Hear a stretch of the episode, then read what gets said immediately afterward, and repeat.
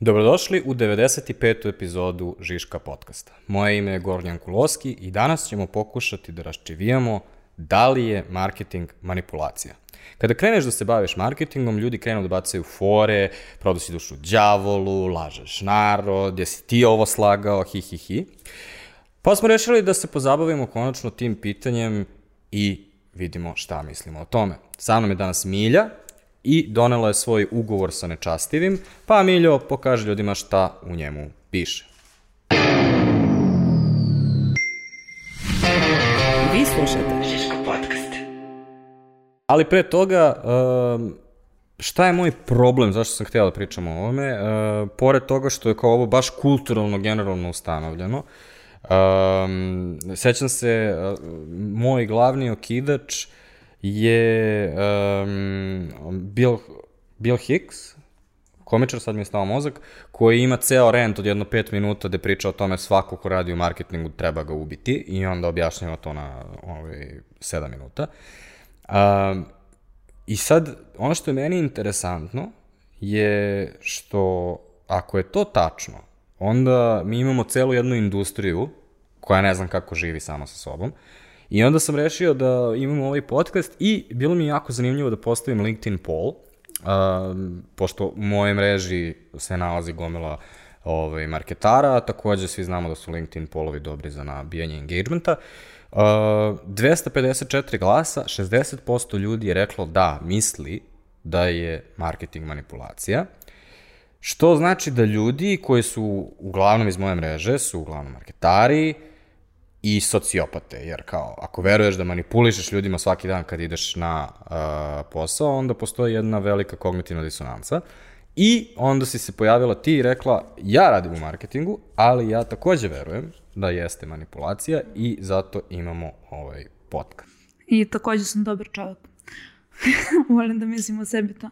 Ne, um, ono što je meni zanimljivo jeste da probamo skontamo ok, ja mislim da marketing jeste manipulacija i čak sam pripremila primere koji to dokazuju zato što sam čitala knjige. Upravo ove knjige koje vidite iza Gorana. To su sve knjige koje sam ja prečitala. Se. Ali uh, mislim da manipulacija nije nužno negativna stvar.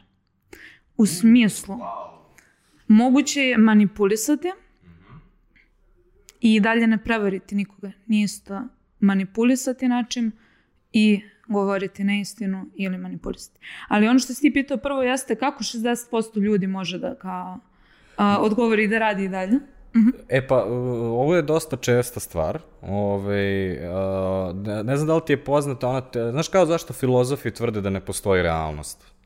Zato što nikad ne možeš, nikad ne možeš ništa definisati. Tipa, recimo, ova čaša koja je ovde, koja, za koju sam vidio sad da, nisam imao skapaću u ovom podcastu, ovaj, može, može da je zoveš čaša, možeš da zoveš kontejner, zato što ona može da drži nešto, možeš da je pretvoriš u pernicu, zato što možeš u nju da stavljaš olovke, možeš da je kažeš da je ovo staklena skulptura, zato što u nekom diz, uh, muzeju priz, primenjene umetnosti sigurno stoji neka ovakva čaša, možeš da je ovaj, podvedeš pod e, izvorni proizvod bugarske, ovaj, pošto je tamo napravljena.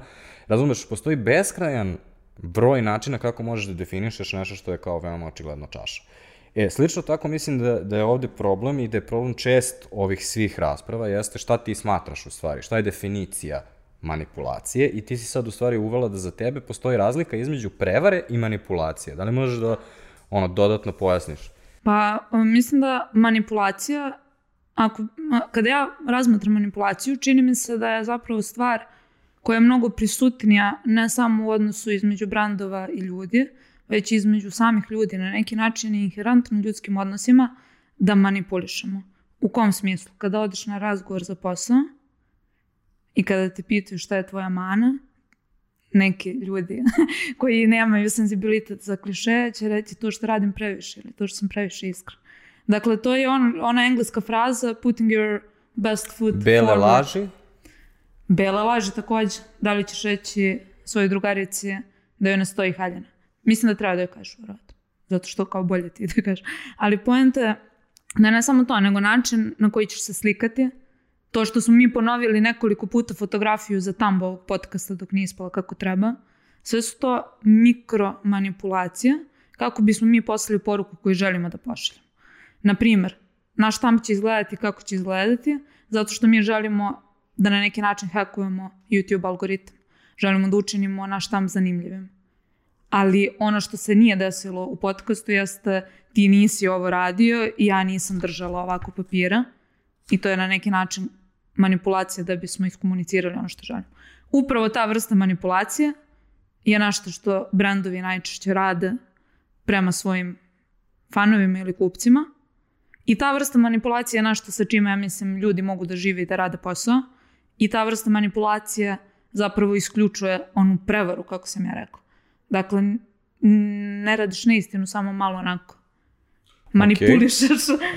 A, sve što si rekla ovaj, je dosta smisleno i u tom kontekstu onda verujem da, um, verujem da sve stvari imaju mnogo više smisla. Uh, međutim, da, ono, ja sam malo istraživao u pri, pripremi za ovo, a, neka definicija kao po Wikipediji bi bila a, promeniti nešto na nefer način da služi, svoje, da služi tvojoj svrsi ako ti manipulišeš. Ovaj, I to je sad opet jedna od onih malo definicija koja poziva druge definicije, odnosno šta znači fair. Ove, ovaj, postoji taj neki balans koji uvek postoji u tom nekom fair, um, jer kao sa jedne strane pitanje je koliko je tebi bitno to što, zbog čega manipulišeš, I sa druge strane balansa, da li je nešto fair, je koliko ja mogu da se odbranim od toga. Sa jedne strane imaš uh, majku koja laže da bi spasila svoje dete i njoj ćemo dozvoliti ogromnu količinu manipulacije da, da to i dalje ostane fair, a sa druge strane uh, imaš milionera koji manipuliše da bi ono, zaradio 10 dolara, recimo, kao u onom filmu sa Eddie Murphyom kad se klade u dolar, ovaj, pa manipulišu njime, to svi smatramo da je nefer. Znači, postoji taj neki ono, balans koji se to dešava. I to su ekstreme. Zato da, je da. tako lako reći šta jeste ili nije fair. Meni je zanimljiv primer um, kampanja koje su sprovođene od strane države Amerike, Amerike država za vreme Prvog svetskog rata u cilju regrutacije ili vojnika ili žena koja će raditi u Crvenom krstu. I onda kao onaj Uncle Sam je zapravo proizvod advertising kampanja gde je ilustrator James Flagg zapravo osmislio njegov lik za potrebe države bi regrutovala vojnike da bi išli overseas i spašavali Europu od nečega. I sada je pitanje, m, kao prvo, Da li je, ono, kao, da li je fair ukoliko ti regrutuješ ljude u Prvom svetskom ratu? Sa druge strane, zbog čega koristi ujak? Zašto je tu ujak sam? Odnosno, meni je uh, možda baš kod toga što je on familiran, što je on ujak ili što je žena na postoru za crveni krst drži ranjenika i ispod piše najveća majka svih vremena je žena koja se priključi crvenom krstu. Znači, taj moment gde ti pokušavaš da objasniš da je država deo tvoje porodice je pomalo manipulacija. Zato što kao, realno nije. Da, ja bih tu se vratio znači, na pitanje tog balansa i uh, vratio bih se na primjer majke koja laže da bi spasila svoje dete. Um, to zavisi od toga šta je tvoj stav prema patriotizmu. U smislu, ljudi koji su patriotski nastrojeni bi to smatrali veoma opravdanim, odnosno dozvolili bi državi jako puno slobode u tome da uh, stvara raznu vrstu propagande da bi ljudi inspirisala da budu više patriotski, što znači između ostalog da bi se prijavili u rat. Sa druge strane, um, je tvoja, tvoj stav o odlasku u rat generalno, koji mislim da je enormno evoluirao i to je još jedan problem sa ovim balansom i manipulacijom, je to što konstantno evoluira. Je sećaš kad smo bili klinci, da su postojale žvake u obliku cigareta? Kako se nasjeća moja miljena žvake? Posle šok žvake. Znači, danas bi to bilo šokantno nezamislivo i ljudi bi bili zgroženi i verovatno bi, ono, verovatno bi se mobilizovali da, ono, ovaj, nekoga, kogod je to smislio, linčuju. Ali kao tada, tada je to, me, me nam, mislim, ljudi, ono, nama su roditelji kupovali te žvake. Naravno. Ali evo, uh, uh, mislim da si baš nabu dobar primjer. Uh, što se tiče, samo ću se vratiti nazad na Uncle Sam i propaga, rat, ratnu propagandu. Znači, pitanje nije da li ćeš ti pozvati ljude u rat.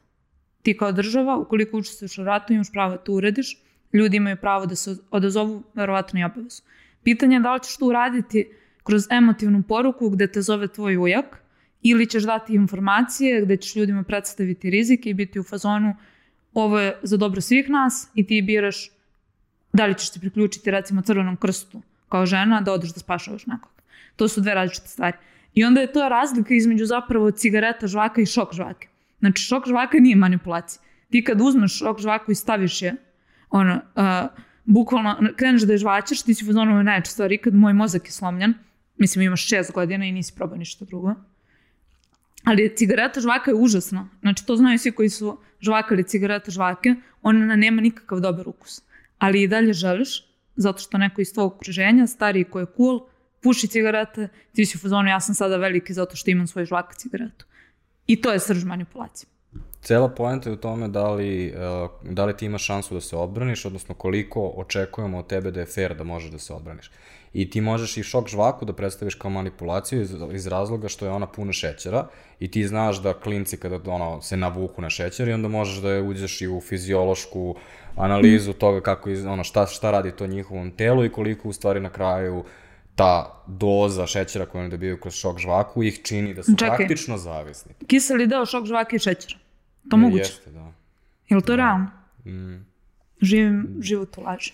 Ove, uh, elem, uh, znači, za mene je dosta bitno to koliko ti ovo, daješ, uh, odnosno, da bi to imalo tu kolokviju, to drugo kolokvijalno značenje manipulacije koje, koje ja interpretiram, za koje je u moje glavi tačnije.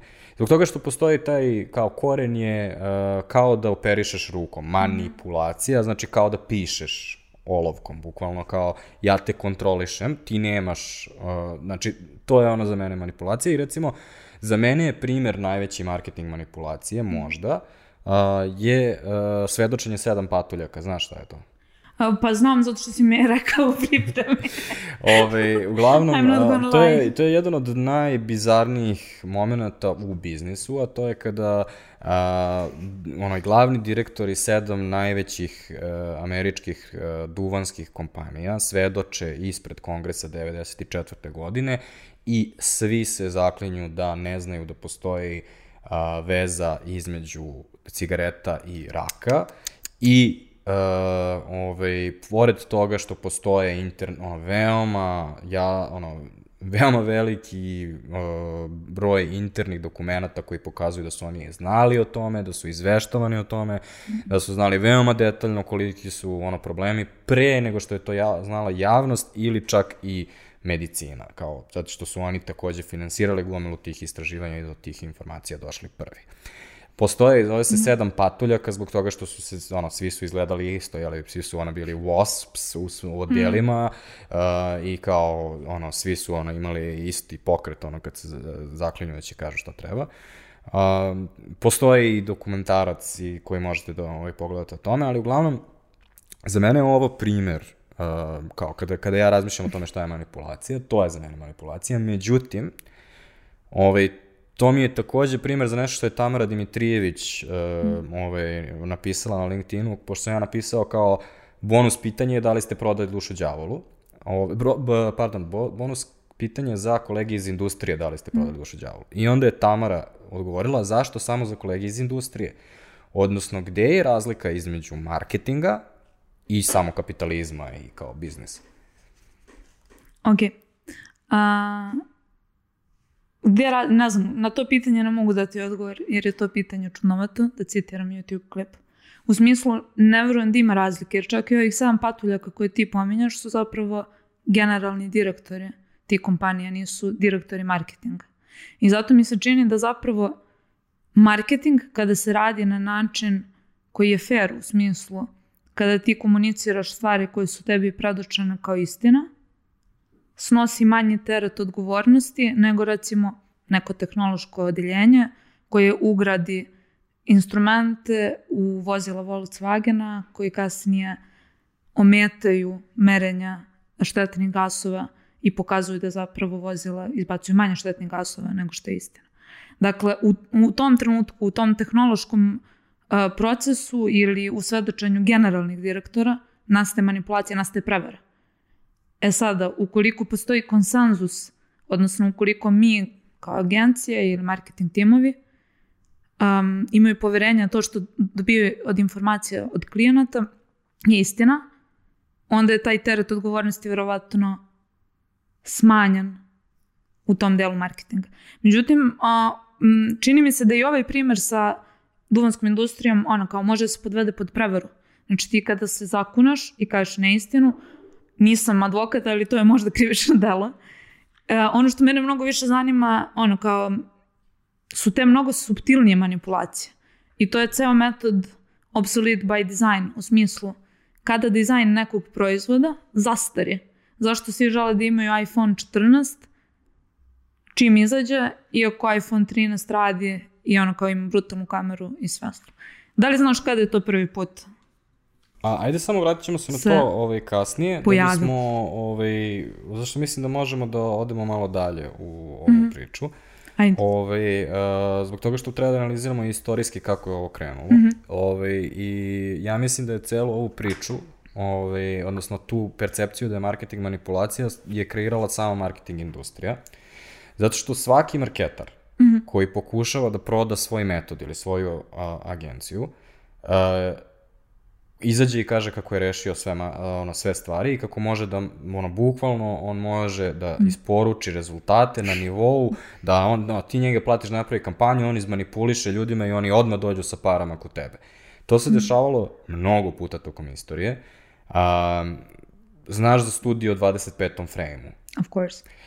Znači, 1957. lik koji se zove James Vickery je kao puštao ljudima u bioskopu 25. frame na kome se vidi Coca-Cola ili se vidi kokice. I onda je nje objavio studiju po kojoj tvrdi da su ljudi posle toga kupovali više Coca-Cola i više kokica. Nijednom ta studija nije usp nisu uspeli da je ponove, međutim ono što je bitna stvar jeste da je James Vickery imao svoju marketinšku agenciju koju je prodavao time što je prodavao subliminalne poruke mm -hmm. i zaradio puno para na tome. I to je u stvari od samog početka advertisinga, od 1923. godine jedna od prvih advertising knjiga je uh, Scientific Advertising, odnosno naučni advertising i uh, lik koji je napisao zove se Claude Hopkins i on je bio jedan, uh, on je bio lik koji je napravio jednu od prvih marketičkih agencija. Pa sad pazi citat. Došlo je vreme kada je advertising u pravim rukama dostigao status nauke. Uzroci i efekti su analizirani do nivoa da se savršeno razumeju. Tačne metode i procedure su dokazane i ustanovljene. 1923. godine, 98 godina pre ovog trenutka, kao neko ko trenutno radi u marketingu, Miljo, da li bi se složila da su uzroci i efekti marketičkih poruka savršeno definisani? Pazi, ja sam studirala ekonomiju, ono, makroekonomski smer. I bukvalno znam sve o tome kada pokušavaš, šta se desi kada pokušavaš da društvenu nauku proglasiš prirodnom, da zapravo pokušaš da grafikonima objasniš kenzijansku ekonomiju i budeš u fazonu, ako povučeš proizvodnju agregatne tražnje, desit će se ovo. Ne, neće se desiti. I ok, jeste zgodno da prodaješ klijentima da se hoće desiti i da je tako jednostavno, ali ono, verovatno nije. Ono što je, samo na čemu sam ja ostala je taj 25 frame, to je vrlo ono paklana pomaranča, ali um, ne, ne znam, ne postoji dovoljan uzorak, to se nikad nije ponavljano zato što nije etički Ne, ne, da ne, ti ponavljano je, izazivaš. ponavljano je. Pokušavali su, pa naravno da, mislim, nije etički, u smislu ne bi bilo etički da ti to pokušaš da koristiš, da radi. Aha. Ali nađeni su naučni eksperimenti, čiji je cilj bio da dokažu da li to radi ili ne, jer onda kao bismo. I to morali da radi. analiziramo. Jel to radi onda? Ne, ne radi. A, ne, ne radi. radi. To A je da cela li radi poenta. kada Carrie Bradshaw puši Marlboro u E, ne znam, to je mnogo City? teže dokazati, ali ovaj, to je drugi primjer koji ćemo proći. Da. Ovaj, ali, A... e, šta je problem sa, sa ovim izjavama koje se dešavaju? Recimo kao dođe Claude Hopkins ili mi smo u pripremi pričali, ali nećemo ulaziti u taj primjer jer je da malo zastareo, to je Cambridge Analytica kada mm. izađe i priča kako imaju psihografske mere, kako da tako nabiflaš ono gomilu stvari koja u stvari govori kako ti si jako dobar marketar, sve razumeš. Jeste dođe neko kao recimo Yuval Noah Harari, koji onda pročita tu brošuru, ili gomila članaka koje smo mi našli u pri, ovoj pripremi se u suštini može svesti na ovo nije etički zato što je ta tehnika toliko jaka. Ona toliko može da obrlati ljude da je praktično ih natera da oni rade stvari protiv sobstvenog interesa. I recimo, uh, 21 lekcija za 21. Mm. vek. Ovo je od Hararija. Čovjek je uzeo i pročitao je brošuru, Facebooka i Googlea i uh, zaključio je kako kada bi oni mogli da iskoriste sve te podatke koje znaju o nama, oni praktično mogu da predvide našu budućnost i oni bolje od nas znaju šta mi sutra želimo da jedemo, na primjer. I to je super kada ti pročitaš brošuru, to stvarno zvuči tako. Međutim, onda shvatiš da Facebook je kompanija od 200 milijardi dolara koja ima jedan zadatak, a to je da optimizuje svoj algoritam da bi ljudi više blejali na Facebooku. I pored svih tih resursa i svih podataka koje imaju, oni nisu na, uspeli da zaustave rast TikToka. Oni nisu, pored svih svojih podataka, uspeli da zaustave rad insta, rast Instagrama, nego su morali da ga kupe. Znači, da, tačno je, oni imaju jako puno podataka, ali u isto vreme oni misle da 15% klinaca koji i, ono, je u srednjoj školi živi u Singapuru ili u Bruneju ili gde god stave foru da, da, da žive ne mogu da uhvate kada ljudi promene eh, na VPN-u svoju adresu i tako dalje. Znači, nije toliko jednostavno. Neke stvari zaista mogu, ali sećaš se recimo posle Patriot Acta da su bili oni programi koji automatski um, ove čitaju mailove. Problem sa tim programima je bio što oni su mnogo češće izbacivali seks dopisivanja gde ljudi kažu ti si prava bomba, mm. nego što su našli teroriste koji su pričali zaista o bombama koji najvjerojatnije će koristiti neku šifru, a neće reći bombu. Moja poenta je u tome da kada imaš sve te velike tvrdnje i onda dođe neko ko, kao Harari je sigurno istraživao svoju mm. knjigu i pametan je čovek, ali ne, ono, nije, nije u ovoj industriji od dana do dana da bi znao kao šta je tačno ono, realnost, onda ti ljudi pomisle, ah, marketari nas kontrolišu, apsolutno. A, a, ok, to je jedan, jedan deo priče. U smislu, slažem se sa tobom da ukoliko danas budem izložena bilo kojoj poruci, to verovatno neće biti dovoljno efikasno da me natera da sutradan kupim neki proizvod ili da zavolim neki brand. Znači ne postoji ta, taj moment ono kao magičnog štepića, čak i ako ubaciš subliminalne poruke ili šta god da već prodaješ u tom trenutku od svoje prodajne metode. Međutim, pitanje nije šta se dešava kada imaš čoveka koga izlažiš poruci, nego kako se kreiraju potrebe ljudi. Kako se kreira svest o tome šta ti želiš ili šta je potrebno da kupiš da ne bi u društvu bio neko ko, ono, kao, ko ne prati trendovi ili ko nije cool ili šta god želiš da zapravo pripišeš sam sebi. I onda se vraćamo ovom obsolete by design metodu. Znači, ti praktično do posle Prvog svetskog rata, do 1920. kada se desila ekspanzija posle Prvog svetskog rata, dakle imao si ekonomski boom, žene su ušle, dosta žene ušlo zapravo u radnu snagu, stvorio se taj ono kao višak tražnje, imaš ljude koji su se vratili iz rata, koji su se oni još više navikli na consumer goods, krenuli da kupuju. I tek u tom trenutku ti zapravo imaš, to jest tek u tom trenutku dizajn proizvoda postaje bitan. I sad postoji jedan sjajan primjer, to je za Ford automobila, koja, ono, kao, bilo koje boje koju želiš dogodi crna. I Chevrolet koji prvi 1928. godina uvodi devet boja automobila. Zato što žele ljudima ono kada daju izbor da boja koju imaju, boja automobila koju imaju se slažu uz njihov šta god stil, govori nešto njima i tako dalje. I u roku od par godina po prvi put postaju, Chevrolet postaje prodavaniji od Forda, on Model T, što je do tada bilo nezamislivo. I sada je pitanje, znači, to u tom trenutku delo je vrlo nevino, kao, hajde, treba da imamo devet različitih boja automobila i to je predivno, možeš da uklopiš automobil uz svoje cipele i tašne i ne znam šta već, znači u svoj stil života, ti si osoba koja voli crvenu boju, imaš crveni automobil. To nešto govori o tebi. Ali šta se desi kada ono za 80 godina od toga imamo sve izmene u dizajnu koje služe samo da te nateraju da kupiš više proizvoda, novi telefon, novu torbu, novi fast fashion item, da ne bi nosio svoje pantalone od prošle sezone ili svoje patike od prošle sezone i da ne bi pokazao da zapravo ne pratiš trendove ili šta god da je u tom trenutku bitno.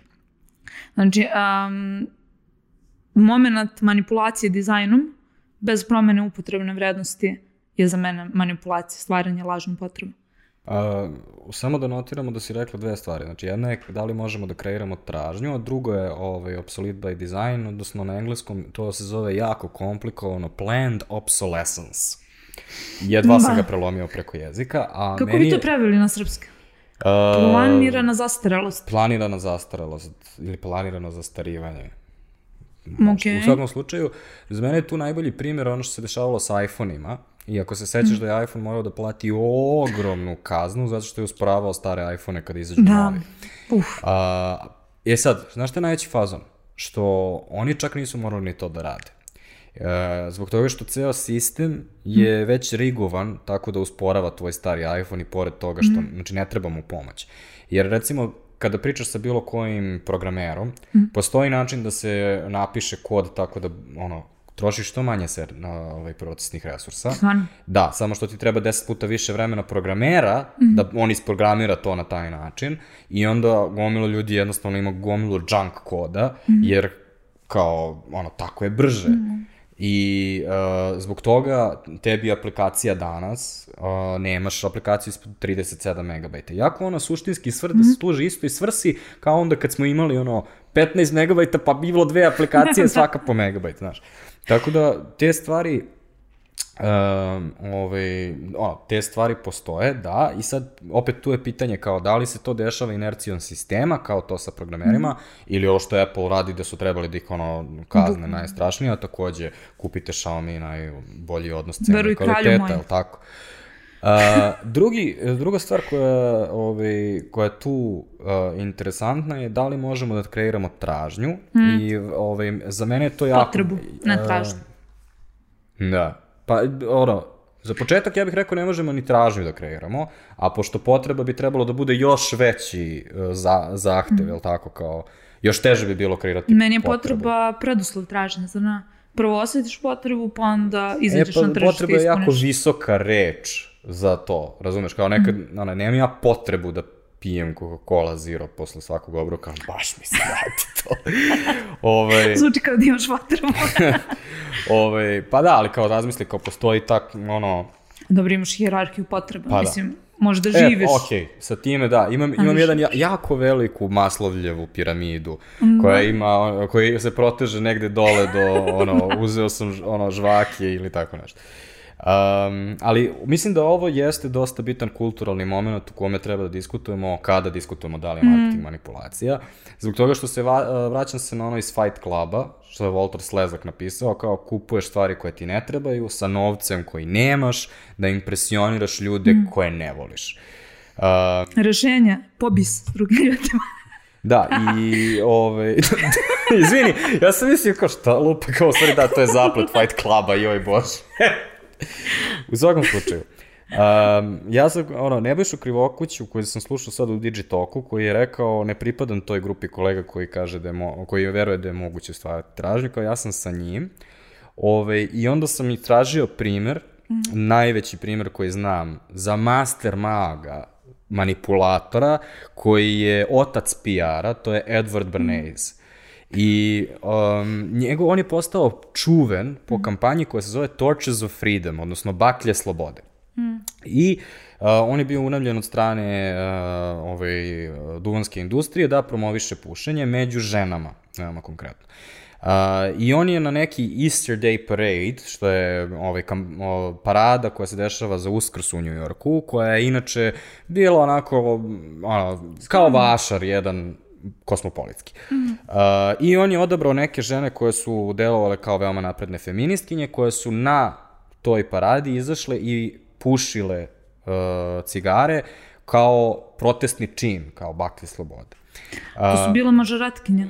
Uh, nisam siguran da li su bile mažoretkinje, ali da znam jesu. da je, da je u stvari uspeo da zakači kao jako veliki broj autora prvog talasa feminizma koje su onda rekli da, ovo je Da. oslobođenje i onda je time kreirao gomilu publiciteta za taj svoj stand.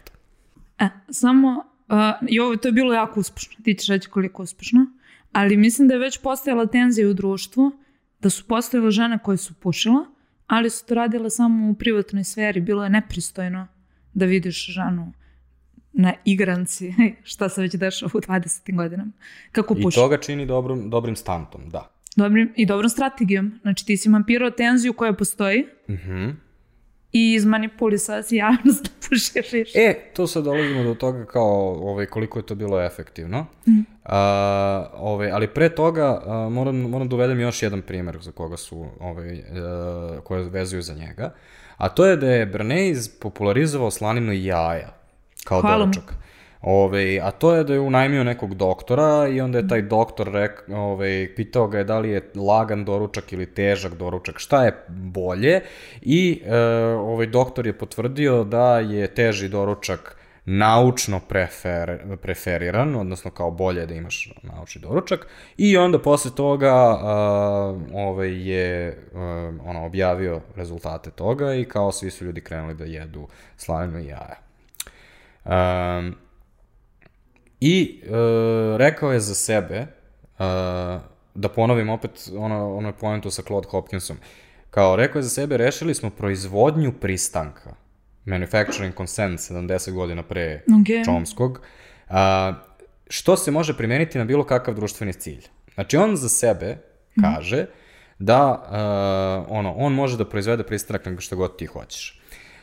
Odnosno, čovjek kaže za sebe, ja mogu da manipulišem ljudima, samo mi dajte pare. A, problem sa time ovaj, je kad sad vratiš se kroz njegove primere. Neko je uzeo i kao koliko su žene pušile vezano ono, dok je on radio. 1923. 5% žena u Americi puši, 1929. 12% žena puši, 1935. 18 žena puši. 18% žena. Mm -hmm. A, kada je bila parada? Pa je Znači imamo neku lira, linearnu progresiju ako Kada je nisi bilo ispratila? Jeste, ali nisam ispratila. u sredini. U sredini, da. Znači, bukvalno trend postoji od 1923. do 1935. godine. Torches of Freedom se dešava u sredini tog trenda. Znači, ono, ne postoji način da dokažeš da je on zaista ono, ovo je bio to. Drugo, slanina i jaja idu jako dobro zajedno. Ja ne znam ko je Edward Bernays i nije mi trebao on sa njujorškim naučnikom da mi objasni da je to dobar doručak. Da, ali je pitanje, slažem se. I posebno sad ovo za paradu, ja sam stvarno mislila da je bilo uspešno. Pa ne, pitanje je možda... podataka me uvek Sad iznenadi. moram da se vratim i u, u đavoljeg, đavoljeg advokata, đavoljeg advokata, što se ovde često, odnosno doktor među, međutim, kako ga mi zovem. Ove, to ne znači da nije bila uspešna. To znači samo da nije moguće da manipulišeš zaista ljudima toliko, kao što on tvrdi da jeste, A. ali kao da je pitanje da li je ta konkretna uh, stvar bila uspešna je jako kompleksna i u društvenim naukama uvek teško odvojivo od svih ostalih akcija Of koje su course. se dešavale u tih 10 godina. Ja mislim da je pitanja i da je Edwardov najveći uspeh zapravo u tome, u stvaranju simbola. Znači, nije pitanje da li bi ti sam izvalio da su jaje slanina dobra, nego da li je simbol američkog doručka jaje slanina. Ja mislim da jeste i da zapravo činjenica možda i ono kao, možda zahvaljujući njemu, je to postalo toliko popularno i provuklo se kroz pop kulturu, kroz filmove, serije koje gledamo, da sada, kada pomisliš na doručak, Ameri ono, American style breakfast, ti zamišljaš jaje, jaje slaninu. Takođe, mislim da onda to uh, radi iz ovaj prvi primer. Odnosno, da li je žena koja puši simbol rodnog osvešćivanja ili feminizma u 20. i 30. godinama. Dakle, mislim da je to možda stvar koju komunikacije mogu da urade. Mogu. verovatno ne mogu, ono kao, možda ti neće izazvati tražnju sutra, ali mogu da kreiraju simbole koji će ono, preživati decenija i koji će postati bitni. Ali mogu da kreiraju simbole samo ukoliko postoji realna tenzija koja postoji u društvu već. Dakle, Pepsi nije simbol mira na protestima, zato što ne vidimo realnu ulogu proizvoda, ali eggs and bacon could be, znači mogu, Ne, mogu da budu želiš simbol. da kažeš i to je, to je sad vraćanje u neku, ne, neko viđenja, a, viđenje komunikacija koje mi u stvari imamo. Um, ovaj, e sad pitanje je, ovaj, kada kažeš ljudima postoji simbol koji će ih vući ka nečemu, da li to onda dolazi do nivoa manipulacije? Uh, zašto bih ja rekao da ne, ali kao dobro artikulisan pokret je neophodan da bi se bilo koji brand, bilo koji proizvod, bilo koja industrija a, ust- ustanovila. A, međutim, to je sad novi problem koji, koji otvaramo, a to je um, dobro, ajde da se vratimo recimo na primjer da li mi treba devet boja automobila ili crna dovoljno. Uh, kako mi znamo šta nam je potrebno? Kako mi možemo da donesemo sud o tome da li taj uh, žuti automobil vredi i koliko u stvari ta žuta boja vredi. To je nekako kao kada pričamo o tome koji, uh, koji film je uh, ono, najbolji. Uh, tržište u kapitalizmu je jedini način kako mi možemo da suočimo te stvari, a ne postoji način da odvojiš proizvod od komunikacije tog proizvoda. Čak i da zabraniš sve reklame, on i dalje ima neko svoje pakovanje. Čak i kada skineš logo, kao što se, da se vratimo na cigaretaše, više nemaš Marlboro logo, ali imaš kapicu. Čak i da jednog dana stoji negde onako ispisano uh, ono, fontom samo helvetikom Malboro, a na drugom da piše LNM i dalje će, ono, ćeš ono, imati komunikaciju toga šta je taj proizvod. I jedini način da mi odlučimo kao društvo koliko to košta, koliko to vredi, jeste da ga pustimo na tržište, pa šta tržište uradi sa njim. A to, od, od, od toga ne možeš nikako da odvojiš komunikaciju. Jer ti u suštini šta govoriš kada kažeš da je, da je to manipulacija, jeste ti si odlučila da ta boja nije bitna. I ti kažeš šta to što ja imam crveni auto govori o meni? Pa o meni ništa, zbog toga što to samo govori da sam ja čekao dobru priliku za auto kod dilera sa kojim sam se već dogovorio da ću kupiti i on mi je javio da mu je stigla Ford Fiesta tada. Ja nisam ni znao koje boje, a kupio sam je ovaj sledećeg dana, zbog toga što je bila je malo stara, bila je dobra ponuda, da ti ne smaram sad. U svakom slučaju, da, ja nisam doneo tu odluku. Međutim, moj život se ne, ne, nepovratno promenio posle toga. Ja sam postao lik sa malim crvenim autom. Što ja nisam ni znao da je a thing, ali bukvalno svaka osoba preko 40 godina koja je saznala da ima mali crveni auto, a pogotovo žene, su bile u fazonu moguće da si kupio mali crveni auto. Ne znam. Znači ti si iskomunicirao nešto tim. A ja, ja sam nisam ni znao šta sam iskomunicirao.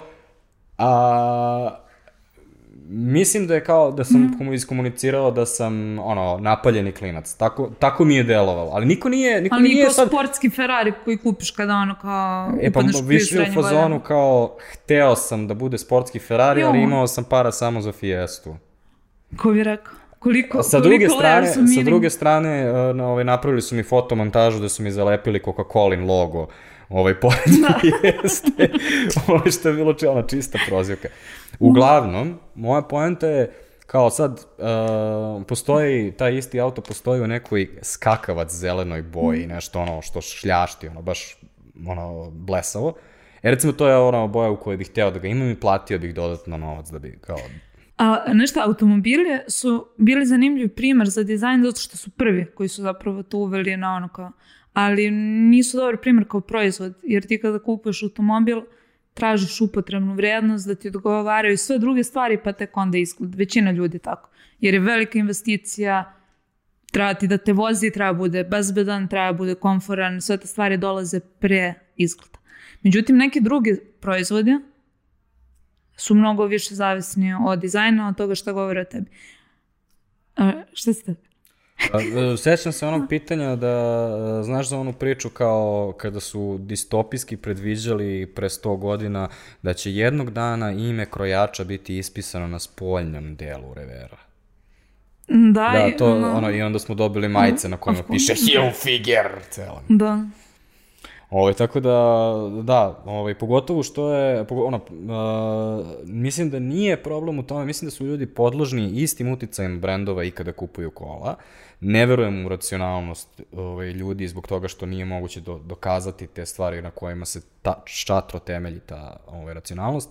Recimo, ti kupuješ, uh, ti hoćeš da kupiš auto, pitaš bilo koga, koga zna o kolima, šta misliš o ovom autu i on će prvo stvar kaže, ah, Francus Znači, kao on ima predrasude o francuskim automobilima. On ne zna ni, još uvek ni koje je godište taj auto, ni kak, koji je to motor.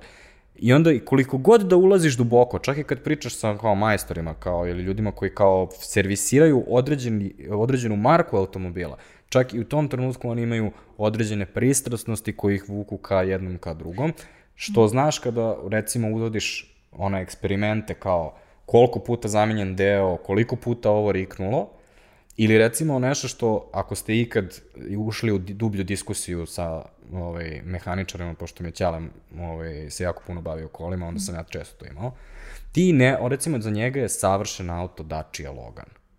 Jer ima četiri točka, ide i redko se kvari. I ja sam u fazonu, ne, kao to je ono šunka na točkovima, to nije auto. Razumeš, kao ti ne možeš njima da objasniš svoje prioritete. Svako od nas ima različite prioritete šta, ono, šta žele da ima. I sad, mm -hmm. u trenutku kad sam ja htio da idem na more, tada mi je bilo bitno da dođem do tog mora, a moj auto je bio pokvaren, ali inače ne bih u životu kao kupio Dacia Logan. Da, ali činjenica da ti pitaš čaleta ujaka automehaničara i prijatelja, pa da odeš da pogledaš na sajtovima, pa da proveriš tri puta, govori o tome da je racionalnija odluka nego kada odeš i kupiš patike koje ti se sviđaju i onda istrpiš sutra kad te ljudi prozivaju kako si uzeo ružne patike, ali su i dalje patike. Ono kao vrlo je subjektivno i impulsivnije mnogo nego kupovina Slažem se, samo, samo je, ono što je jedina razlika je racionalnije. Da, da, na skali Versus, da, Naravno, to je ne postoji sve spektar, čovek. da se vratimo na to. Homo economicus. Elem, da mi krenemo malo ovaj, da se vratimo na našu pripremu, ovaj, zato što pokrili smo kreiranje tražnje, pokrili smo ovaj, uh, planned obsolescence, odnosno kako god smo rekli da. se zove na srpskom, a, prodavanje kula i konzumerizam je nešto na što se obično misli, kao da ti no. kao praviš stvari da su cool i onda svi ljudi idu za time. Kao to je ono, kada ljudi kažu da je marketing manipulacija, često misle na ovo. A, da, to su brendovi koji uspeju pametnim saradnjama sa ono kao emisijama, filmovima, podcastima, uspevaju da zapravo... Preuzmu. Ako ste brand koji je uspeo da se pozicionira kao cool time što ste imali saradnju sa, pod, sa podcastima, molim vas, javite mi se, zaista želim da čujem više o tome. Um, zvuči smešno, ali uh, radio programi su prvi mm. sadržaj koji je kreiran od strane branda u 20. i 30. godinama. Znači prvi content marketing su radio emisije, gde ti priča voditelj i pušta muziku. Tako da podcast je ono before podcast. Mislim da je prva radio reklama opet, ovaj, to, mi, to sam sad da se podsjetio na Nebojšinom Digitoku, je bila 15 minuta dugačka. Da, zato što ti je tada, um, znači upravo ono, u trenutku kada su radio um, programi postali popularni, ti nisi smeo da reklamiraš svoj proizvod, mogao si, čak ja mislim nisi smeo ni da ono kao pomeneš ime svog proizvoda. Ali si mogao kao kompanija da sponzorišeš program I onda su copywriteri morali baš da budu ono, pametni, da skontaju kako da povežu ime kompanija sa nekim brandom, a da ono kao ih ne odseku bukvalno radio silence. Ali se vratimo tome šta je cool. Carrie Bradshaw, seksi grad, zašto ona puši malo gora cigareta. Znači u trenutku kada ta serija izlazi, ono kao postaje užasno bitan pop kulturni fenomen, koji jedva čaka decembarski nastavak, nekom se javi. Sve u samo. A, njoj dodeljuju brand cigareta koja ona kroz šest sezona puše. I to krajem 90. kad smo već ono otprilike znali da ne, ne treba pušiš. Mm -hmm. I onda je pitanje, um, znači ako ti pretpostaviš da je ljudima koji gledaju seriju Carrie Bradshaw cool, što je opet upitno, zato što je jedna, ona je jedna od najomruženijih glavnih likova u nekoj seriji. Znači, voliš to što je ne voliš u principu, ali ona jeste arhetip neke žene New Yorka s kraja 20. veka i ona puši cigareta, da li ćeš ti sutra ono kao dati prioritet Malboru ili još bitnije da li ćeš pre ono kao imati potrebu da počneš da pušiš. Da li će tvoja odluka biti racionalna ili će biti ono kao uslovljena i Carrie Bradshaw i Marlboro Cowboyom i koja, šta god, sa svim ljudima koji se vide na TV u prethodnim 30 godina Bože. A... I to je manipulacija. Ove, uh, ja, kada prit, no, sad ovo pitanje kao kako verujemo da advertising u stvari radi i uh, ja sam trenutno mišljenja Ove, odnosno sa svim dokazima koje sam video i svim rupama u dokazima koje sam video, trenutno sam najbliži teori, ovoj teoriji Byrona Sharpa iz How Brands Grow, a to je da prvenstveno a, moraš da povećaš slavu, odnosno opštu poznatost nekog brenda, da bi on bio mentalno dostupan u trenutku kada treba da se donese u odluka u kupovini. Znači, ja znam da postoji, uh, ovaj, ja vidim reklamu za Lav pivo, ja, ako je ta reklama dobra, to znači da ću je zapamtiti, a ako vidim mnogo reklama za Lav pivo, Lav pivo će mi biti kao top of mind, ovaj, i onda u trenutku kada mi se pije pivo, ja ću kažem Lav. Ovaj, um, znači, na, ono, to je neki način kako ja verujem da, da funkcioniše advertising. I onda u kontekstu toga odgovor za Kerry Bradshaw je da, pomoglo je, ali pomoglo je zato što je pon, ono, stavilo taj brend u kontekst, podsjetilo mi da je to jedna cigareta koju neki cool ljudi koriste, ali ne na nivou na koji se implicira u svim člancima, to je, svi su bili zaljubljeni u Kerry Bradshaw i šta god Kerry Bradshaw uradi, oni su radili to isto i onda će zato da puše to isto postoji mnogo više faktora koji ono, su odredili da li je ta cigareta cool i to je akumulirane komunikacije u prethodnih celoga života, znači ono, od početka, od kad znaš za sebe, ti upiješ te neke komunikacije određenih stvari. Ja, ja svoj lični primjer koji često koristim za to je, a, da li, a, Miljo, da li LG ima servis u Srbiji? Nas. A šta misliš? Nema. E sad, to se recimo menja iz generacije u generaciju zbog toga što je LG u jednom trenutku prestao da proizvodi telefone. Ove, ja sam moje... pozvano LG bio moj telefon pre 12 godina. Tako je. I kao, ovo je baš ono nešto da. što mi se uvek dešava, pošto ja ovo pitam na predavanjima često i onda klinci kažu, kada sam to pitao, kad sam prvi put izvalio ovo pre IHH, kao kad god sam pitao, ljudi su rekli da. I zbog toga što su videli dovoljno reklama, da, da su pretpostavili da je to dovoljno prisutan brend, da naravno da on ima servis. I onda sam, ono, kao, inače LG ima servis u Srbiji, ovaj, kao, mislim da Ignis, pošto sam tamo nosio televizor. Mm. I poenta je u tome da ti ne znaš u stvari zaista, ali ti donosiš implicitno, implicitni zaključak i kada biraš televizor, ti nećeš onda da, ka, da se setiš da pitaš prodava, prodavca, na primer, da li LG ima servis. Ali kada vidiš ono, onaj recimo Vox mm. ili tako nešto, ti ćeš pretpo, ono, pretpostaviti da ko zna da li to ima servis ili ne, a LG i Samsung, pa to su ozbiljni brendovi, oni sigurno imaju, razumeš? Postoji taj halo efekat, kako se zove, mm. ovaj, koji ti stvaraš iz svih komunikacija koje si ikad video, uključujući i činjenicu da si nekada davno imala telefon, a ja ste pitao za servis za TV-ove, na primjer. Mm. Znači, postoji gomila tog nekog cross-sectiona koji u brendovima a, funkcioniš. I u tom kontekstu za mene je pitanje ko je tu koga učinio cool.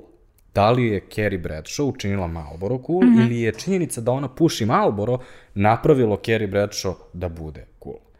Um, ili, uh, pošto je ovo taktika koja zove product placement, kao da li kada ti imaš product placement, je to manipulacija. I recimo mi smo već rešili da jeste manipulacija zbog toga što ti sada mm -hmm. moraš da čuješ onaj glas, ovaj program sadrži plasiranje robe. I kao, ti si onda upozoren da tu uh, ćeš videti nešto.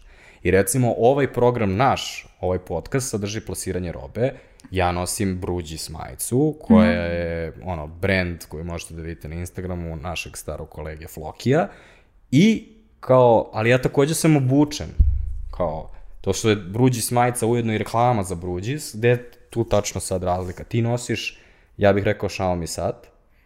Moguće, ali ne znam. Znači sad je pitanje da li time što ti nosiš, recimo, je, ne znam da li si primetila, ali svi talk show hostovi ali... u Americi nose Apple Watch, koji je namerno napravljen tako da ga vidiš, ti čim vidiš znaš da je to Apple Watch, pa onda imaš sada onu imitaciju Apple Watcha koji se zove nešto Denver ili tako, Aha. kao, kod ti onda možeš da vidiš kao ljudi koji nemaju para za Apple Watch, kupili su Denver, pa onda šta ti percipiraš od svih tih ljudi. Sve, kada, kada sve posmetraš kao komunikaciju, onda stvari postanu baš jako komplikovane. Da, ali mislim da postoji razlika kao prvo. Znači, ova regulacija u smislu upozorenja na početku programa je definitivno ono sud o tome da to jeste manipulacija ukoliko nismo svesni da je to plaćena saradnja. Ali E, misliš, li da, sada, misliš li da a- su otklonili manipulaciju time što na početku teta kaže da postoji plasiranje robe? Osvestili smo. Pritom, Korak smo bliže. pritom većina ljudi ne zna da je to plasiranje robe znači product placement.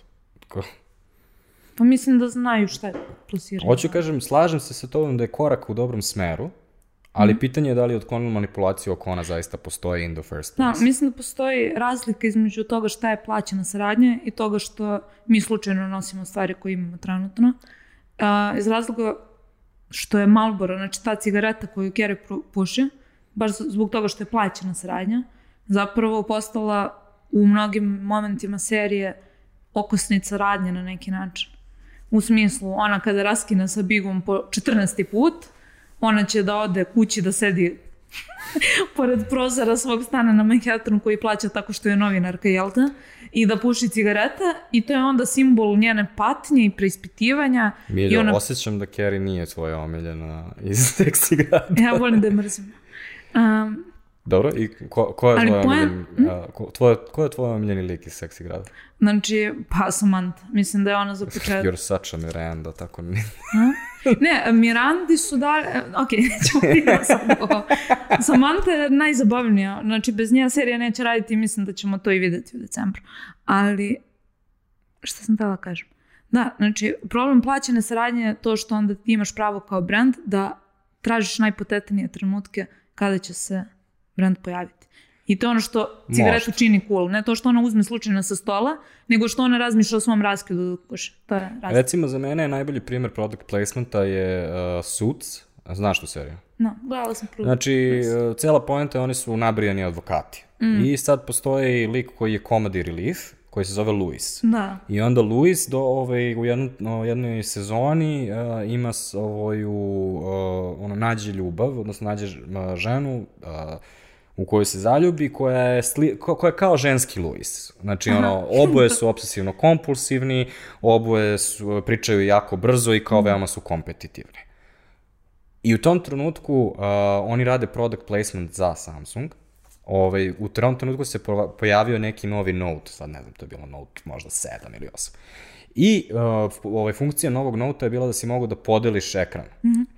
I njih dvoje pričaju sad, ono, bukvalno, ono, u likovima su svojim i kao baš imaju ono klasičnu njihovu komunikaciju koju bi njihovi likovi imali, a to je ono, kako ja da zeznem Harvija, da Har- Harvey ne zezne mene, da uzmem sve pare i tako dalje. I u tom trenutku prestaju komunikaciju i Luis kaže njoj, čekaj, čekaj, čekaj, šta to radiš? Kako si to radila odjednom? Je li to novi Samsung? Oh my god! I kao, bukvalno, toliko su ga prirodno ubacili, a opet je bilo tako očigledno da je product placement. A, hoću da kažem da, opet, vraćamo se na ono pitanje, kao to je ipak bila cigara.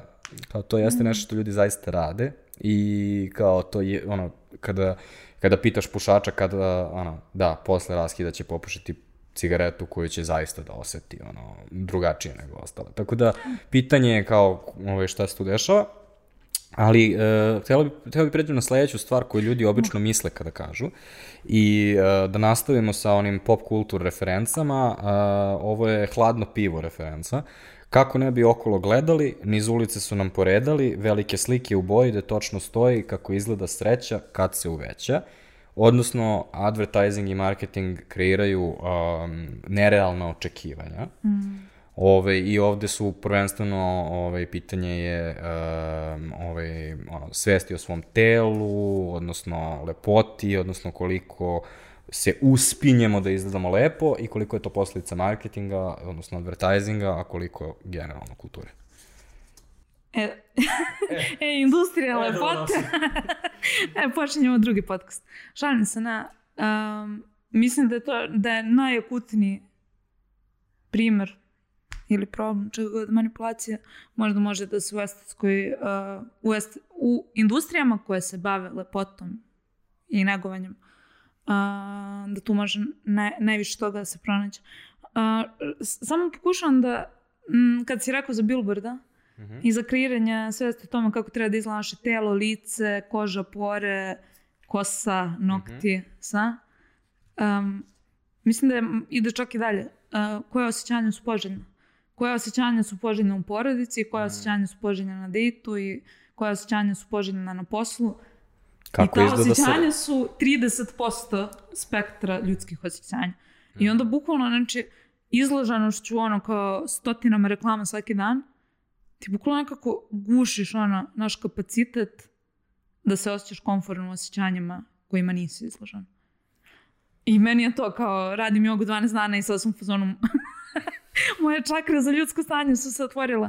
Šalim se, ne, ali to mi je možda i još i kao grozumorenije nego um, svi standardi lepote koje imamo. Ali ono, kao primjer za to je za početak uh, brijači za žena. I u kom trenutku su zapravo dlake na ženama postale beauty standard, odnosno odsustvo dlaka na ženama. I koliko to zapravo ima, o tome sam čitala baš, koliko to zapravo ima rasističku pozadinu. Odnosno da si ti sredinom 19. veka teoretičari rasa, ili možda čak i ranije, not sure, ali 19. vek. Vjerojatno misliš na eugeničare. Da.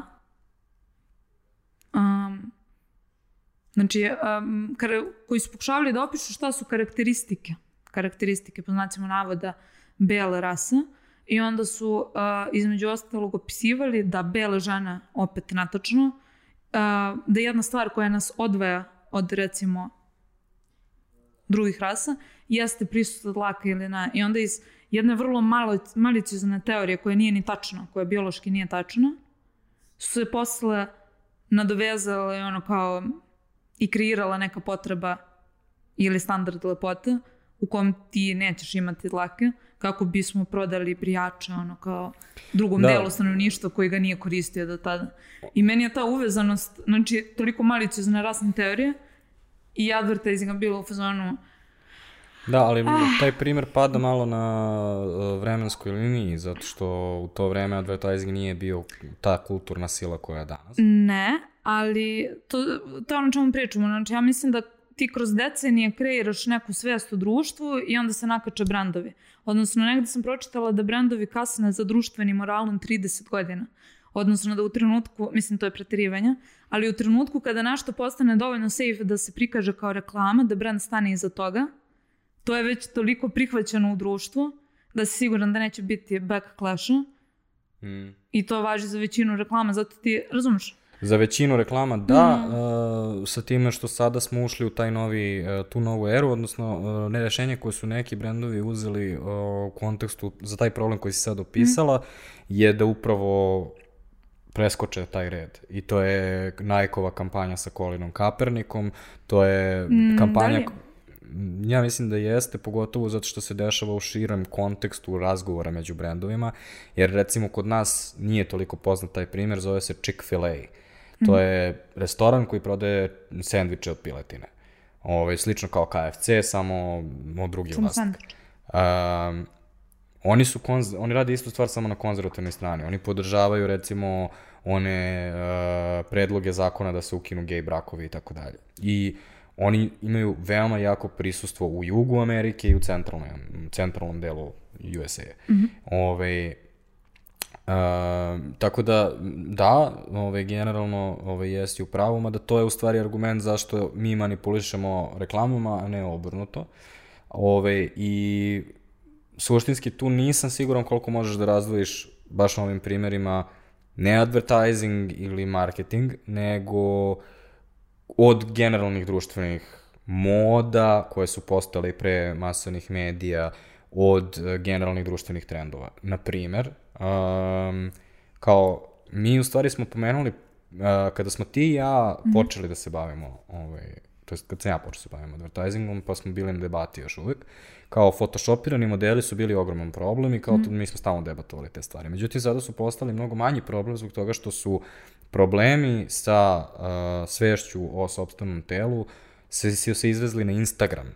Mnogo je gore postalo, nekada ti mi photoshopiramo savršenu mm. manekinku, nego to što Goca iz trećeg dva uh, i izgleda ono super u kupaćem kostimu zato što je naučila kako da se namesti i tako Filtere. Dalje.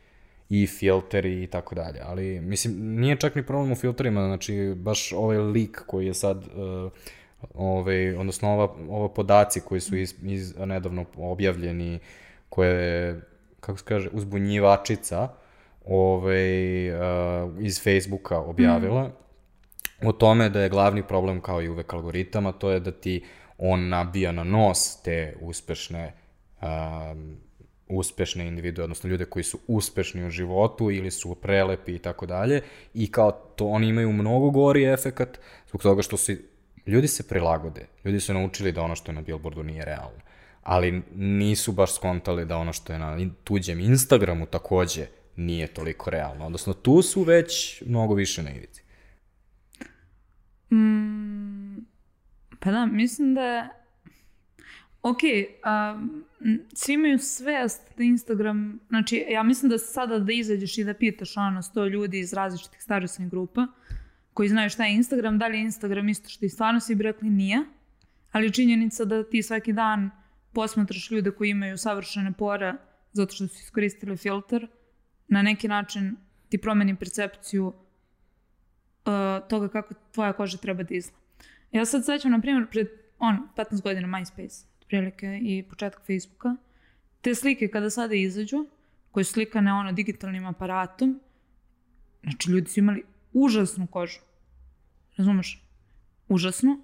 Iz ono, standarda a, koji imamo danas. Imali a danas moj kožu. kineski telefon mene pretvori bukvalno u baroknu fresku. Upravo, znači imamo Onaj danas... Onaj Beautify koji me premoleriše bukvalno. Evo, zapravo su imali istu kožu kao što imaju ljudi danas, samo ono kao, je tad bilo okej okay da okačiš sliku gde ti se vidi ono kao nepravilnost ovde, kao šta god. A, e, za, ljude, za, ljude koji ne, za ljude koji ne znaju o čemu pričamo, zaista je bilo užasno. kao, sećaš, Ali, sećaš se da je nekada bilo normalno da imaš crvene oči? Na fotografiji. To je bilo normalno i bilo je normalno da imaš naranđast pudre. Mislim, to ljudi su živali s tim, pa su i se islikali s tim. Ali... Neki postali predsednici Americe, Amerike sa tim. Da, ali 2000 su zaista posrnuće estetike, tako da nije ni bitno. Um, ali jesi ispratio ovaj zakon u Norveškoj koji zapravo ono kao nalaže svim brandovima i kreatorima, influencerima pojedinačno, da moraju da označu koliko je njihova fotka obrađena, photoshopirana ili ima filter. Ja, nisam ispratio, ovaj, zašto sam mislio da su francuzi nešto prvi to uveli. Ne znam, znači ja sam čula mm, za Norvešku, to je bilo skoro u medijima. Mislim da je to dobro pomak, to je kao, ono, kao upozoravanje na product placement. Ali... Zavisi, a ja bih opet, mm -hmm. to je sad, ono, vraćamo se na sam početak podcasta, a to je definicija koliko ti ovaj, treba da se odbraniš. A, raz zašto ja ne volim takve vrste intervencije je kao država će nas spasti time što će da reguliše influencere. Sa tim, sa tom logi, sa, o, sa brendovima mi je još lakše da progutam zato što tu zaista postoji realnost. Ono, realno brendovi kada, kada država nešto propiše, kao brendovi se ja, jako paranoično prate mm. te, uh, znači ne ono, default mod um, ovoga prosečnog brenda jeste da prati taj guideline koji država postavi. A recimo, ono, da, da varijanta u kojoj će država ozbiljno prati influencere je već ne deluje mi realno. Ove, mm. um, ali takođe ono što je širi, širi problem jeste što ove, to je da li ti, sećaš se onog dela na početku, da li ti imaš mogućnost da se odbraniš, koliko imaš mogućnost. To mi je problem sa, sa tim zakonima svima, to je, e, mislim da će te sačekati na sledećoj krivini i ti moraš da radiš, mislim da je daleko bolje ako, recimo da država Norveške mora da organizuje task force koji će da potroši milion dolara da juri influencere. Bolje tih milion dolara da, ono, bukvalno imaš edukaciju, da dođeš u prvi razred i ti kažu Instagram, evo ti šta je izašlo iz Facebooka baš nedavno kao informacije, evo ti studije koje Facebook sam ima, koje ti govore šta je tvoj mhm. body image, molim vas budite svesni da ljudi koji vam pišu na, na mail nisu uh, vaši prijatelji, pazite se ljudi koje upoznajete online, to nisu mhm. obavezno ljudi koji ono, koji se predstavljaju da jesu i kada vidite da su tuđi životi super na Instagramu, znajte da to nije istina, ti isti ljudi su proveli šest mm -hmm. sati fotografišući se po Dubrovniku da bi na kraju imali dve nedelje kontenta, a vi ste sedeli i uživali, pili kafu i kao u stvari živite mnogo bolji život, Ali, samo što to niko ne vidi. Vraćamo se na tvoju pojentu mentalne dostupnosti, u smislu mm. ti možeš da dođeš i da ispredaš, da daš mnogo konteksta i to je dobro, Ali ako ja vidim svaki dan nečiji pečat filter, filter, filter, filter, mislim da je mnogo lakše da se podsjetiš Posebno u trenutku kada si ono kao klinac i formiraš svoje stavove, bla, bla, bla, bla. Um, mnogo je lakše da, da zapravo ti ostane u svesti koliko to što vidiš nije istina, nego to što si čuo predavanja od nekog jakog, finog norveškog gorena koji će da objasni ovo. Da, možda sam malo previše skočio na taj ovaj, ono, akademski ovaj, vibe, ali u suštini, uh, kada kažem predavanje, možda mislim i na nešto što radi Mario Vrećo. Jer uh, kad Mario Vrećo dekonstruiše internet preduzetnike kao internet mm. šibicare, Um, on ti u stvari komunicira da uh, ono ljudi koji su ono odrasli na internetu znaju da razlikuju sve te stvari i kao mm. to je recimo ono kada PewDiePie krene da priča o internet fenomenima um, tu onda nema onih pretpostavki koji recimo psiholozi često mm. prave ili sećaš se da je bilo pre 5-6 godina su analizirali na RTS-u uh, sa ICMC koja u onu pesmu kada ponižava fucking pobresitu Milicu. Joj, bože, da, znači, e, ali, bukvalno... Ali fora je u tome bilo što niko u studiju nije razumeo da, da. da je ona ironična.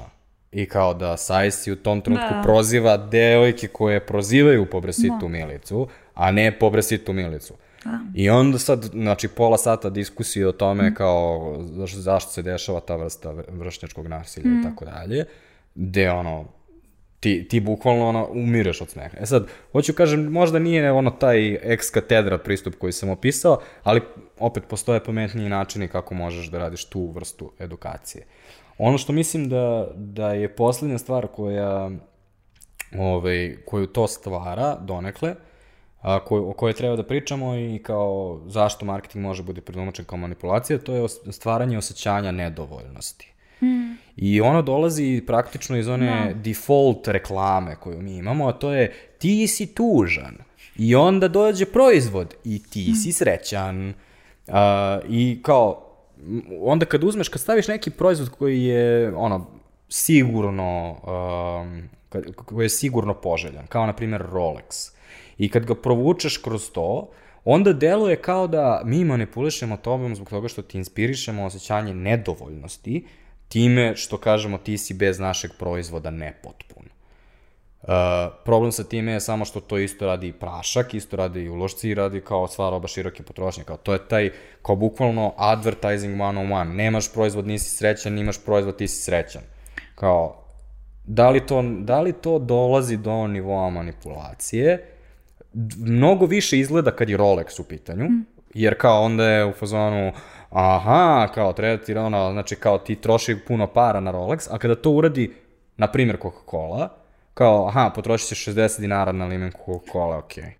Pa okej, okay, ali mislim da je pitanje da li je statusni simbol ili proizvod sa upotrebnom vrednošću, u smislu da peremo veš svi moramo, a kao da nosimo Rolex ne moramo. Ali bitno je od toga šta je, na primjer, sa korektorom za lice. Ili sa, ono, kao 14 koraka nege kože. Dok je generacija pre nas, ili generacija moje keva, imala dva koraka. Operi lice sa punom i onda stavi kremu iz apoteke. I završio se. E, pitanja... pitanja je basically... Um, znači, šta je, šta je sa tim lažno kreiranim dodatnim koracima ili šta je, sa, šta je problem sa tim da nećeš imati savršenu kožu na kameru? Ja moram sada da se povučem, ovo jako redko radimo u podcastima, ali Ovaj, pokušao sam ovaj argument na mojoj ženi. Dobro. I rekao sam joj, evo ti ovde imaš uh, šest, sedam različitih vrsta šminke, skincare mm. produkta i tako dalje. I konkretno zanimalo me šta je razlika između Kiehl's kozmetike koju ona koristi i neke druge kozmetike koja je tri puta jeftinija količina reči koje ja ne razumem koja me je napala u tom trenutku od uh, hialuron do ne znam šta sve, ne sjećam se mm. baš najbolje. Znači, kao ne znam za to. Ovaj, ono što samo mogu da vidim je uh, da ono, po, ono, ona zaista veruje da postoje ono, veoma konkretni zdravstveni ovaj, razlozi i ne samo e, ono, čisto estetski u smislu da se ono, jednom ovaj, tipa kao šminka, da ono, staviš šminku pa posle je skidaš. Uh, nego kao razlozi koji su dugovečnosti, očuvanosti, kao ona sada ulaže u svoju kožu za budućnost. Tako da, ne znam ni koliko je to istina da bih znao, ono, da bih znao da procenim, ali vidiš li kao, de, de bi sve to trebalo, ko je... Mnogo je teško. Trebalo zovemo Da. Antonija. ne, mislim da ovde možemo da uđemo u stvari u tu presudu ovo je, no, šta je, ono, što, što posle svega ovoga kao da li verujemo da je marketing. A, virtue signaling? Ja bih volila samo još taj primjer da Dobro. pomenem. Kaže. Pa, uh, signaliziranje, kako bi to rekli vrlinom, virtue signaling, Da. to je stvar koja mislim da u posljednje vreme je vrlo popularan način za manipulaciju od strane brendova. I evo skorašnji primjer za koji sam se ja začudila. ja sam previše naivna. Radim u advertisingu skoro pet godina i dalje ono, verujem brandovima.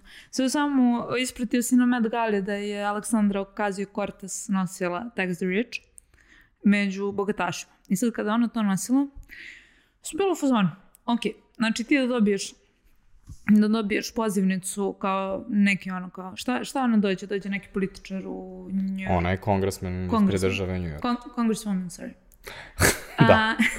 Da, da li kada transkribuješ engleske ovaj, reči i dalje moraš da imaš uh, u pravom rodu? kongresmenka, Kong- Kongresmenka. Batmanka. Ali kongresme, kongreswomena, na, nema veze, ajde, kongreswomenka.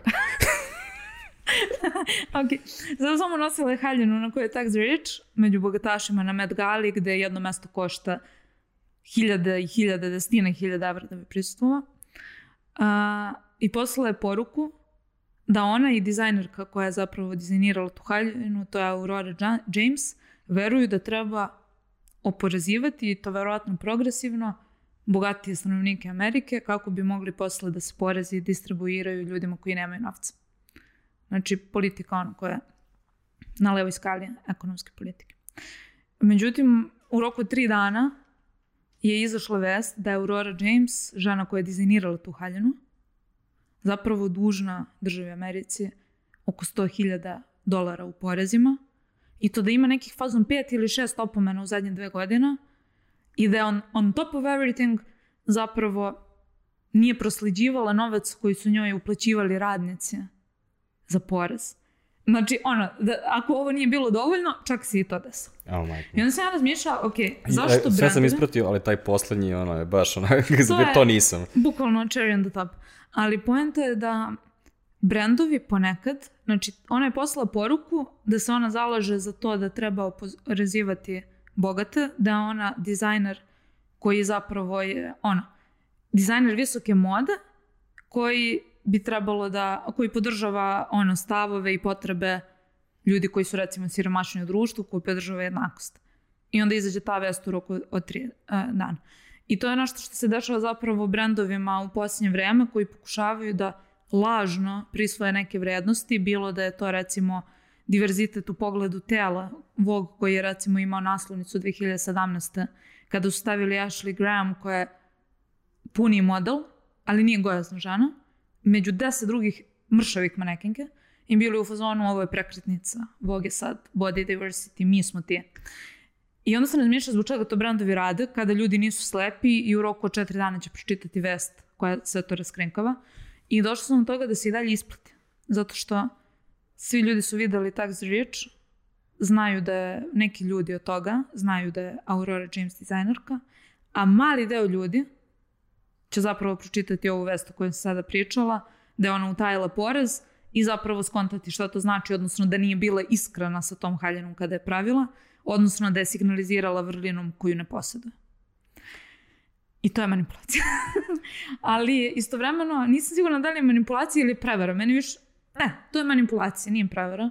Zato što ona, znači postoji Ne, vjerojatno... ono što, ono što ti želiš da kažeš, ako uzmeš svoju definiciju sa samog početka, to je da je manipulacija trenutak kada ona pravi haljinu tekst do riči, time pokušava da utiče na javno mnjenje, a prevara je ovo što je uradila u backendu, a ono Da. na što smo reagovali je licemerje, odnosno nema veze, iz, odnosno suprotnost između te, ta dva ponašanja, kao Licemerje? Ona, da, ona, mm. ona, ona pokušava da manipuliše, a još i ona baš ta koja vara. A i bogata je. A i to smo saznali. Da nismo saznali, sve bi bilo okej. Um, za mene je tu zanimljiviji onaj primjer, ne znam da li si to ispratila kao da kada se dešava Pride mesec, mm. na zapadu svi brendovi imaju svoje rainbow flags, no. a onda na istoku i u, na bliskom istoku nijedan brend ne menja svoj no. badge i onda su ljudi bili u fazonu, a? Što mislim da je uh, sa jedne strane malo infantilno shvatanje kako brendovi fun kompanije funkcionišu, zbog toga što ko na kraju, ko na kraju je vlasnik to, tog profila na Twitteru je pitanje. A, akcionari. Uh, ne, ne, uh, tog profila u recimo Saudijskoj Arabiji. Akcionari? Uh, ne akcionari u Americi, nego a, a, možda akcionari u Saudijskoj Arabiji, verovatno ne, verovatnije mm. neki privatni vlasnik. Uh, I opet, ono, tu, je, tu dolazimo do tog problema, ono, ti si koristila primjer koji je u stvari politički, prepletanost politike, kapitalizma, i uh, svega i kao da li na kraju dolaziš do toga da je sve onda manipulacija. Da, to sam rekla na Ove... početku, ne znam zašto smo imali dva sata diskusije. Ove, a, ali kao, opet, za mene je to ono, dosta, onda, onda je kao, nisam siguran da je to korisno. Ako sve posmatraš tako kao manipulaciju, razumeš, mm. onda ja tebe ubeđujem da idemo, da naručujemo Mr. Wong sada, mm. kineze, zato što smo, trenutno je ru, vreme ručka i mi snimamo podcast, i sad ti možda kažeš ja sam izmanipulisao tobom da naručimo Mr. Wong, što po toj definiciji bi bilo istina, mm. ali ni, ne bi se ja složio da sam ja baš tu nešto puno manipulisao, voleš ti da srčeš kupusa. A, takođe mislim da tvoj... da tvoja majica, da tvoja majica a, je zapravo namerni izbor danas, zato što si obukao majicu sa azijskim motivima i sa nudlama, što Slaže mi se uz oči. Što te zajedno sa kombinacijom facijalnih e, fičera predstavlja kao eksperta za kineza i onda kada ti kažeš naručujemo iz Mr. Wonga, ja kažem yes. E, vidiš, i sad si došla u stvari do krucijalnog dela podcasta, to je zaboravila si da zaista ja jesam ekspert za kineze koji je studiozno probao 40 kineskih restorana, uključujući i svaki restoran u kineskom tržnom centru, uključujući i ona dva koja su izgorela i zaključio koja je najbolja, za koji kriterijum, pošto kod mene postoji razlika da li hoćeš da ono za 500 dinara ili hoćeš da platiš neograničeno i Ali sve Gorana, to. Ukusi se razlikuju. I sa time ovaj, možemo završiti ovaj podcast. Ako ste vi došli sa nama do ovde, svaka vam čast, a i takođe znači svidela vam se naša priča, pa nas zapratite na YouTube-u gde ćemo sigurno barem jednom nedeljno da objavljujemo barem jednu sličnu epizodu. Ovoj, da ćemo jednako štreberski da se posvetimo pripremi određene teme i nije to jedini način, ovaj, pošto ove stvari o kojima pričamo dosta sporo zastarevaju, sasvim možete da zaređate naše stare epizode, proberete teme koje su vama interesantne ja recimo preporučujem, ako vam se svidela ova diskusija, epizodu 46 o, epiza o dokumentarcu Social Dilemma, gde pričamo o uticaju društvenih uh, medija uh, na nas sve, na mlade ljude, koliko big data ima veze ovaj, sa svime time što nam se dešava danas. A ako razmišljate generalno o ulozi reklama u društvu, preporučujem Miljin intervju sa Janom Savić-Rastovac, epizoda broj 70. Možda ste primetili da uh, smo referirali na LinkedIn poll i na neke ljude koji su nam se javljali konkretno sa primerima i a, argumentima koje smo izneli u ovom podcastu. A, želimo da uključimo publiku što više, tako da zapratite mene na LinkedInu ili da nam se javite u komentarima, a, predlažite nam teme ili a, produbite a, diskusije koje ovde iznosimo i slušamo se naredne nedelje kada ćemo pričati o tome šta tačno znači premium, a da nije Seka Aleksić crno i zlatno. Vi slušate Žiško podcast.